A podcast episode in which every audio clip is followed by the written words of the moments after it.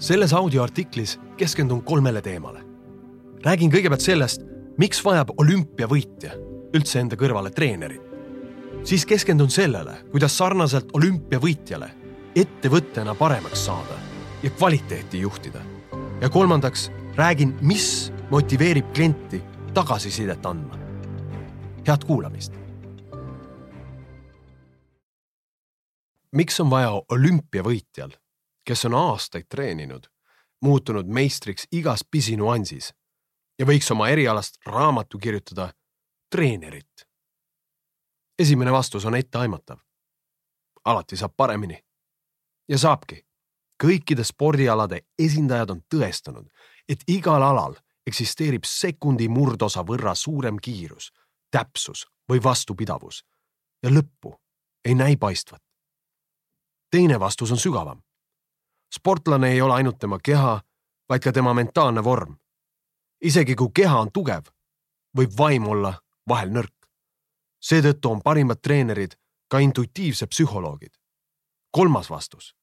selleks, et teada, milles peitub sportlase järgmine arenguhüpe, vajab ta kedagi, kes näeb teda kõrvalt ja oskab viidata nõrkusele, mida ta ise ei suuda märgata. treeninguga alustades on puudujäägid ilmsed sest enamik kogetavast ongi puudujääk. kuid mida suurem on vilumus ka kõige pisemates detailides, seda keerulisem on tabada nüansse, mille lihvimine viiks järgmise arenguhüppeni. selleks ongi sportlase kõrval treener, peegel, kes näeb seda, mis jääb sportlase enese eest varjatuks. sama rolli teenib kvaliteedi juhtimine ettevõttes läbi teadliku tagasiside küsimise ka ettevõte on sportlane. tal on oma tugevused, anded, fännid ja konkurendid. ja just nagu sportlane, nõnda alustab ka ettevõte suure entusiasmiga ning piisava ande, tugeva meeskonna ja distsiplineeritud töökuse olemasolul on võimalik viia end tippvormi ning ületada seniseid rekordeid.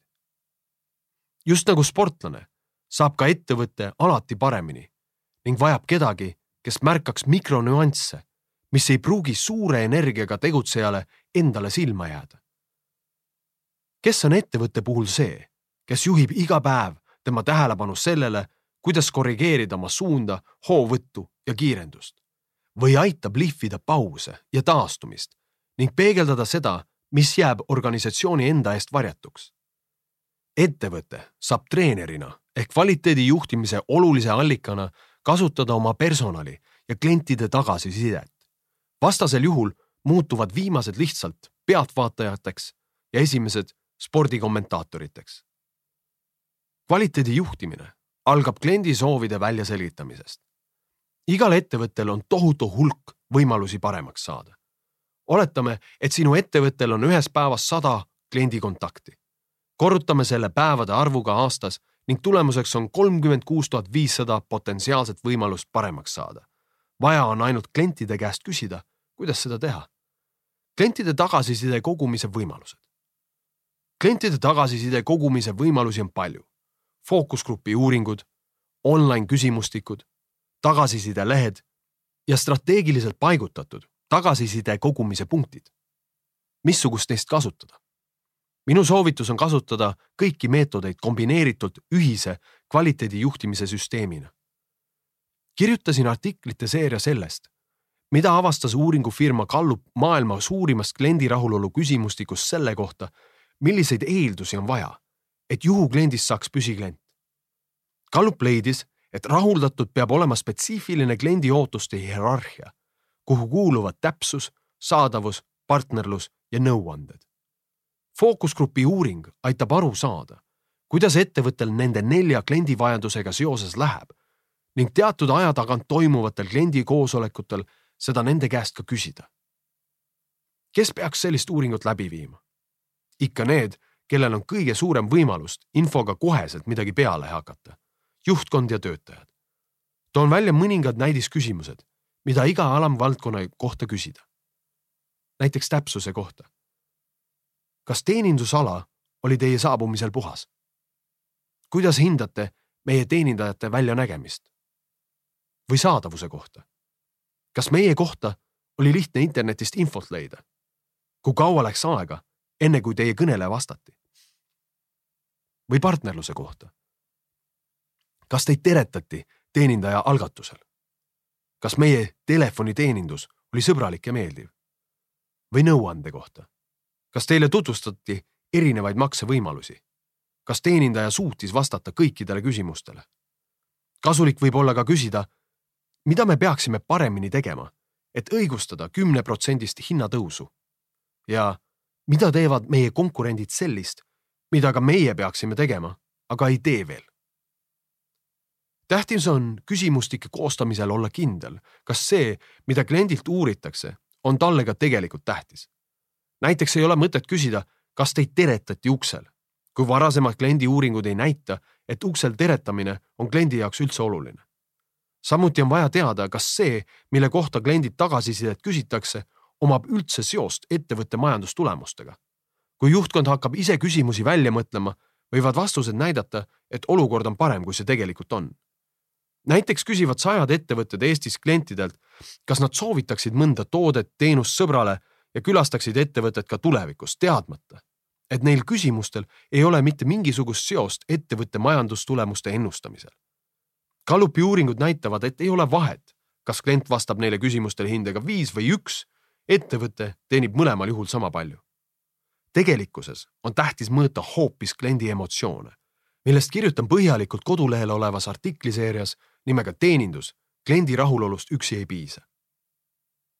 mis motiveerib klienti tagasisidet üldse andma? see võib olla lausa miljoni dollari küsimus. üks võimalus on vastajatele vaevatasuks pakkuda midagi oma tootevalikust või anda neile krediiti tulevikuostudeks. kui toote või teenuse omahind on selliseks vahetuseks liiga kallis, võib välja pakkuda, et iga täidetud ankeedi või fookusgrupi uuringus osalemise eest annetab ettevõte konkreetse summa heategevusele. aasta lõpus saab kliendiga uuesti ühendust võtta ja teada anda, mis heategevusele annetatud rahaga reaalselt ka tehti suure tõenäosusega tekitab see inimeses uhkust ettevõtte kliendiks olemisest ja suurendab tema edasist lojaalsust. loomulikult on võimalik auhindadena välja panna ka erinevaid kingitusi, mis ei ole otseselt seotud ettevõtte enda tootevalikuga. õhtusöök, teatrikülastus ja muu selline. tean, et mõned aastad tagasi loosis Põldmaa Kaubanduse AS, mida enamik inimesi teab kui Denim Dream, kõikide klientide vahel, kes andsid küsitlusele tagasisidet reisi Luganosse rõivabrändi Guess esindusse. Toon ühe suure tehnoloogiaettevõtte näite. Wipro on globaalne tehnoloogiaettevõte Indias, kus töötab rohkem kui sada seitsekümmend tuhat inimest, kes teenindavad kokku enam kui tuhandet klienti umbes kuuekümnes riigis. kvaliteedi pidevaks tõstmiseks osalevad tuhanded töötajad igal aastal teeninduskoolitustel. pärast koolitust trükib Wipro kõigile osalejatele välja tunnistuse uplifting service champion ehk ülendava teeninduse tšempion, kuid ei anna seda veel inimestele kätte. et tunnistus välja teenida, tuleb neil läbida kaalukas projekt nimega X-Serve, mille käigus peavad nad demonstreerima koolitusel õpitud Wipro kliendusteeninduse filosoofiat. aga ka siis ei saa koolituse läbinud töötaja veel tunnistust kätte. vaatamata sellele, et inimene on selgelt näidanud, et valdab õpitut, peab ta saama selle kohta kinnituse kirjaliku tagasiside näol vähemalt ühelt inimeselt, keda ta oma teenindusega aitas. kiri peab sisaldama infot selle kohta, mida töötaja tegi ja miks klient seda väärtustas. alles nüüd on töötaja Wipro silmis tunnistuse vääriline. just nagu sportlane ei saa medalit treeningu, vaid ikka ainult võidu eest, peaks ka teenindaja saama tunnistuse mitte koolituse läbimise, vaid õpitu rakendamise eest. usun, et õige presenteerimise korral mõjuks selline lahendus motiveerivalt ka Eesti ettevõtete töötajatele. Lisaks X-Serve projektile lansseeris Wipro Value I added ehk väärtus, mille lisasin nimelise võistluse, kus saavad osaleda ainult need Wipro töötajad ja meeskonnad, kes on kliendile pakkunud suuremat väärtust, kui ta algselt küsis, ootas või oli valmis selle eest maksma.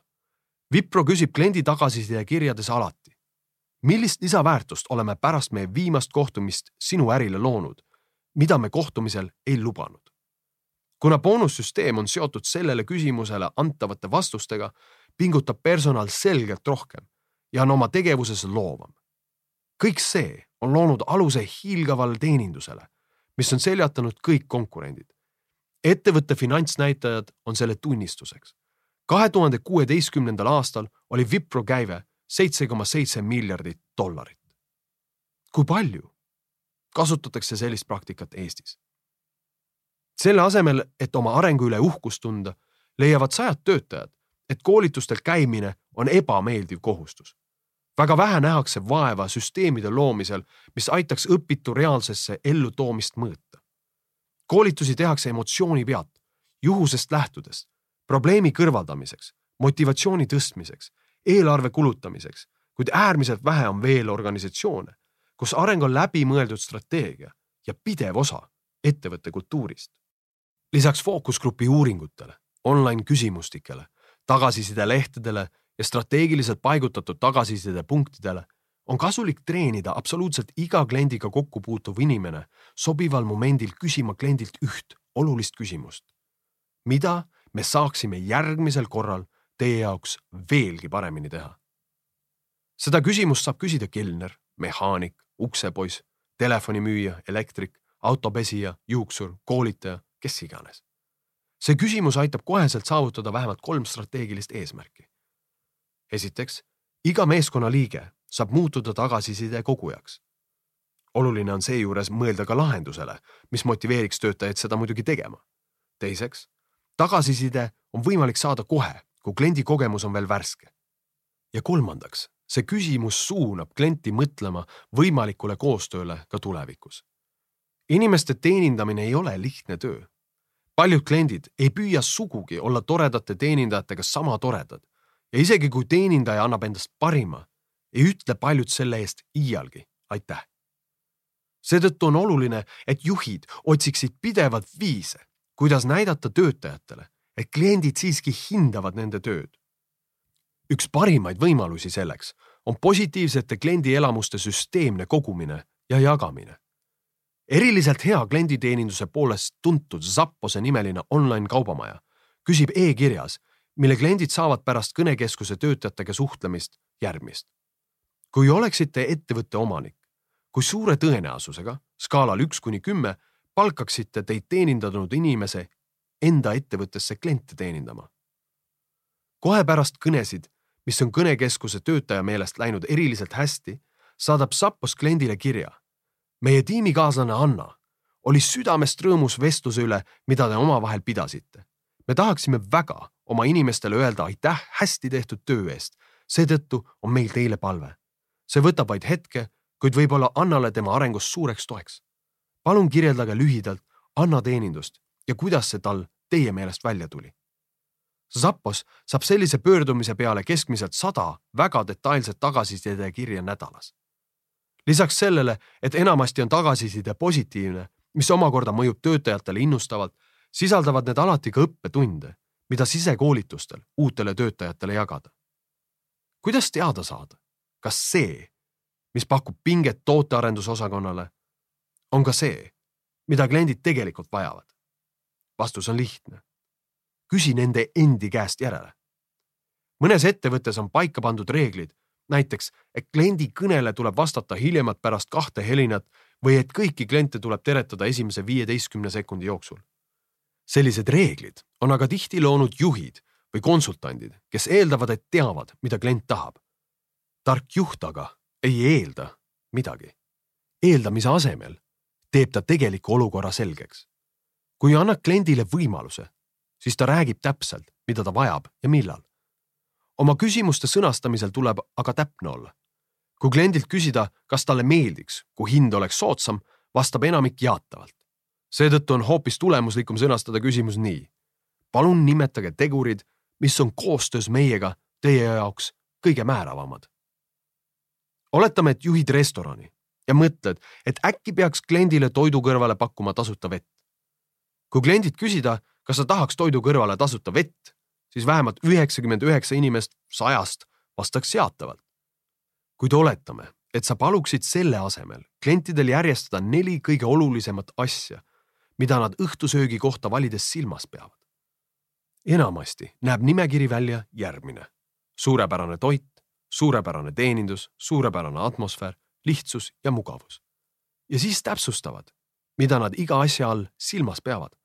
enamikule küll meeldib idee tasuta veest, kuid see on väheste jaoks peamine põhjus, mille järgi restorani valida. sporditreeneri eesmärk on anda tagasisidet hetkel, kui õppimise tõenäosus on kõige suurem. see tähendab, ta saab puudujääke ja kasvupotentsiaali peegeldada kohe ja sportlane saab juba järgmisel katsel sooritust parandada. seetõttu ei ole ettevõttele paremat peeglit kui tema enda personal, sest kui neil on selleks piisavalt initsiatiivi, on töötajate tagasiside oluliselt kiirem, kindlam ja odavam kui kliendi oma. üks võimalus töötaja tagasiside saamiseks on vastavate kogumispunktide sisseseadmine. mida rohkem neid on, seda rohkem tekib ka tagasisidet. see on sama nagu lugu prügikastidega. mida rohkem neid on, seda suurema tõenäosusega sinna prügi visatakse. samuti tuleb hoolitseda, et tagasisidekast oleks atraktiivne. Uuringud näitavad, et mida suurem on toidupoodide kassas olevate annetuskarpide ava, seda rohkem annetusi koguneb. selle asemel et omada ühte üldist tagasisidekasti, on kasulik teha tagasiside kogumine mänguliseks ja muuta pidevalt küsimuste fookust. näiteks jaanuaris küsid, kuidas võiksime oma külalisi paremini vastu võtta? parima idee esitaja saab õhtusöögi kahele. veebruaris, kuidas võiksime oma püsikliente paremini hinnata? Parima idee esitaja saab tasuta aastatellimuse oma lemmikajakirjale. märtsis, kuidas võiksime parandada erinevate osakondade vahelist koostööd. parima idee esitaja saab minna sõbraga kinno. aprillis. kuidas saaksime oma teenindust kiiremaks muuta? parima idee esitaja saab jooksutossud. ja nii igal kuul. küsida võib veel, kuidas tagasilöökidest kiiresti taastuda, kuidas kulusid kokku hoida, kuidas lisamüüki suurendada, kuidas uusi talente leida, kuidas konkurente ületada, kuidas edendada koostööd tarnijatega ja nii edasi võimalusi premeerimiseks on ka teisi, tuleb lasta vaid loovusel lennata. autasuks võivad olla näiteks vaba päev, koolitus, pikem nädalavahetus, lühem töönädal ja nii edasi. selliseid hüvesid saab lubada muidugi ainult juhul, kui ettevõte ei kannata tööjõupuuduse all. Nii et enamus töötajaid on ülekoormatud ning ühe vaba päeva andmine tekitaks personaliosakonnas kaose. sellisel juhul tuleks tähelepanu teravik suunata esialgu küsimustele nagu miks meil on töötajaid puudu või miks meil on tööjõu voolavus suur. et personal saaks pakkuda parimat teenindust ja olla kvaliteedi pidevale edendamisele toeks, on oluline, et töötajad mõistaksid maksimaalselt maailma, kus klient viibib ja kogeksid seda, mida klientki. see on peamine põhjus, miks tippteenindusega ettevõtted maailmas hoolitsevad selle eest, et nende töötajad saaksid kasutada nende tooteid ja teenuseid tasuta või siis väga suure allahindlusega. Eestis on veel vähe hotelle ja spaasid, mis võimaldavad oma töötajatel vähemalt korra aastas kasutada tasuta kõiki hotellitooteid ja teenuseid. ometi on see kriitilise tähtsusega neljal põhjusel. esiteks tõuseb töötaja moraal, lojaalsus ja pühendumus, mis peegeldub teeninduses ja meeskonnatundes. teiseks aitab selline motivatsioonipakett kaasa uute talentide palkamisele. kolmandaks kui töötaja tunneb, et tema tagasiside on oluline, paneb see teda ka muul ajal tähelepanelikumat töökeskkonda jälgima, tegema muudatusettepanekuid ning suurendab omaniku tunnet ja vastutust, olgu või paberitüki üleskorjamise läbi WC põrandalt. neljandaks aitab see töötajal klientidele paremini teenustoodet tutvustada, kuna tal on nüüd isiklik kogemus.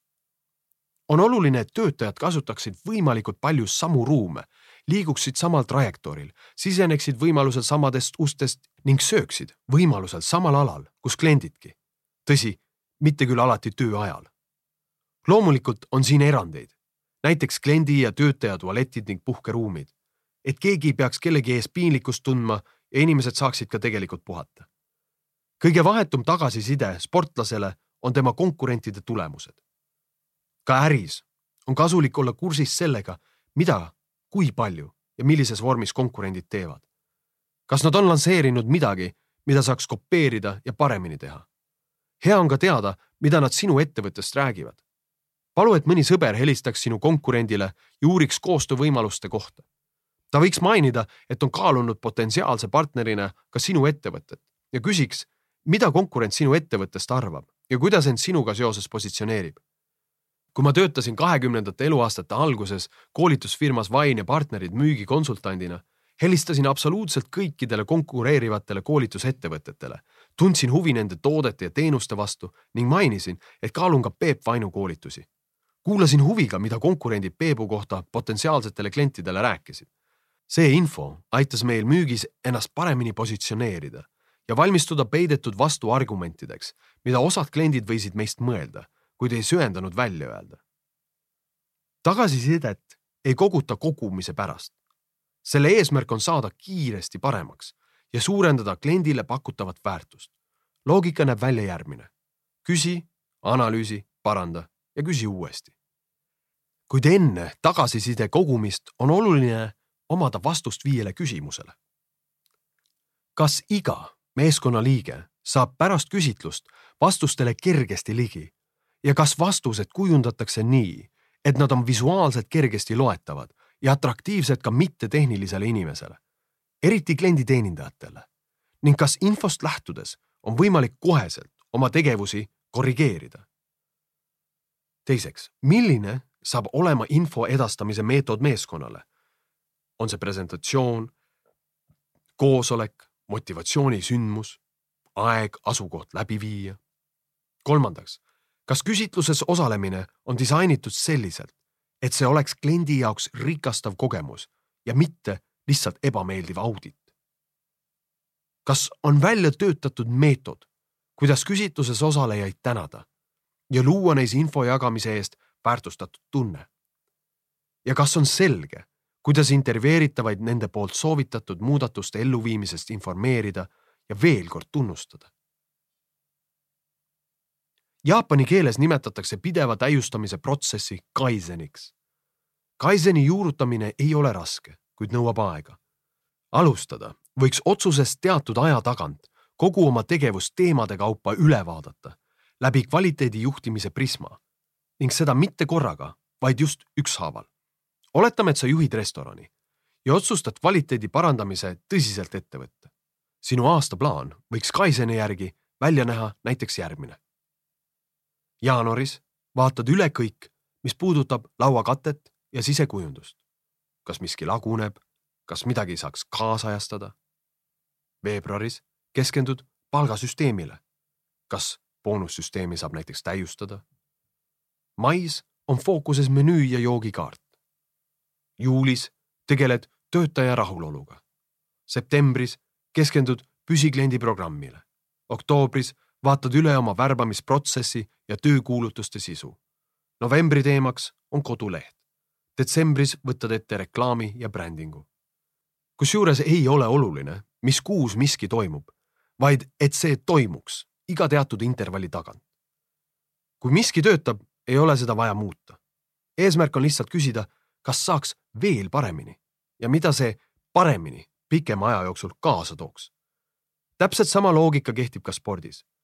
kui sportlane muutub kogu aeg paremaks ja tagasilööke ei ole, siis on valitud strateegia õige. samuti ei tegeleta samal hetkel kümne erineva aspekti täiustamisega. mingi hetk keskendutakse hoovõtule, siis tõukele, siis maandumisele ja nii edasi. iga sportlase unistus on olla esimene sarnane unistus on ka paljudel ettevõtetel. lugematu hulk ettevõtteid müüb end sõnumiga. esimene Eestis, esimene see, esimene teine. kuid sellest, et keegi täna esimene on, ei piisa homme. sest ka olümpiavõitudele järgneb uus võistlus ja mäng võidu nimel algab alati otsast peale. maailm ja turg on kogu aeg muutumas. ükskõik kui säravad ka ei oleks mineviku võidud ja medalid siis nii nagu spordis, on ka äris. areng täiuse suunas ei lõppe iial. ma loodan siiralt, et selle audioartikli kuulamine oli sinu jaoks väärtuslik aeg ja kui see nii oli, siis kutsun sind ka kuulama minu täispikka audioraamatut Ratsionaalne emotsionaalsus, tugevad tulemused pehmetest tegudest, mille info ja lingi leiad minu kodulehelt alarojastu.com.